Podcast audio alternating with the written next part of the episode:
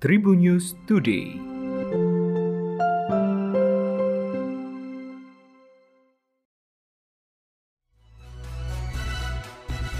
Tribuner, saya Delra Gonzales menemani Anda dalam Tribun News Today untuk hari ini diawali dari berita nasional.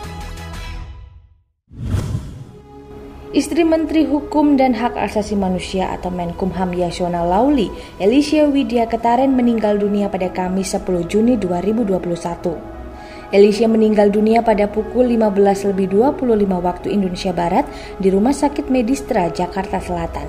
Jenazah Alicia kemudian disemayamkan di Rumah Duka Sentosa, RSPAD Gatot Subroto, Jakarta Pusat. Alicia lahir di kisaran 24 Desember 1954. Almarhumah meninggal pada usia 57 tahun dan meninggalkan seorang suami yakni Yasona Lauli dan empat orang anak serta enam cucu.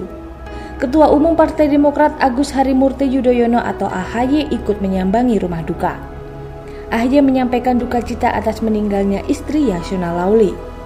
Putra sulung SBY ini juga menyertakan doa atas kepergian almarhumah. AHY berharap mendiang Elishe diberi tempat sisi terbaik di sisi Tuhan. Tak lupa untuk memberikan kekuatan agar keluarga yang ditinggalkan diberi ketabahan pula. Pemimpin Korea Utara Kim Jong-un menyebutkan K-pop sebagai sebuah kanker ganas yang menggerogoti negaranya. Menurut Kim, semua gaya termasuk gaya rambut, gaya berbicara, gaya berpakaian, dan perilaku anak muda di Korea Utara sudah mulai meniru Korea Selatan. Karena perkembangan K-pop yang mulai pesat dan hampir menguasai pasaran dunia, rezim Kim segera bertindak cepat dengan mencanangkan perang terhadap kultur budaya negeri ginseng.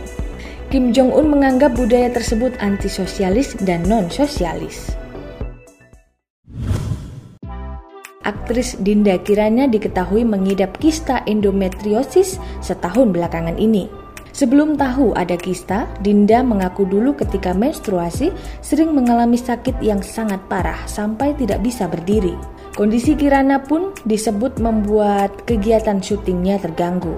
Awalnya ukuran kista hanya 3 cm, namun dalam kurun waktu setahun justru ditemukan ada dua kista dengan ukuran yang berbeda.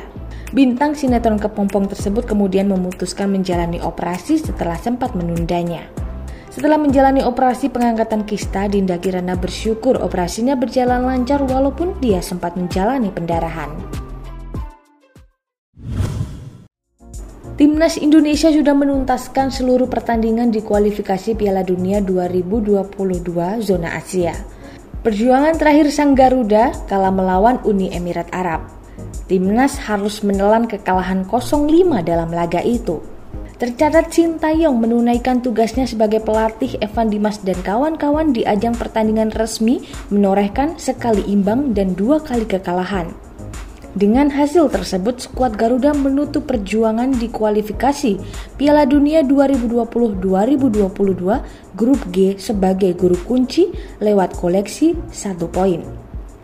Rapor yang dimiliki Sintayong terbilang kurang maksimal ketika menukangi timnas Indonesia jika merujuk pada hasil tiga laga terakhir. Demikian Tribuners Tribun News Today untuk kali ini. Saya Delta Gonzales, sampai jumpa. Tribun News Today.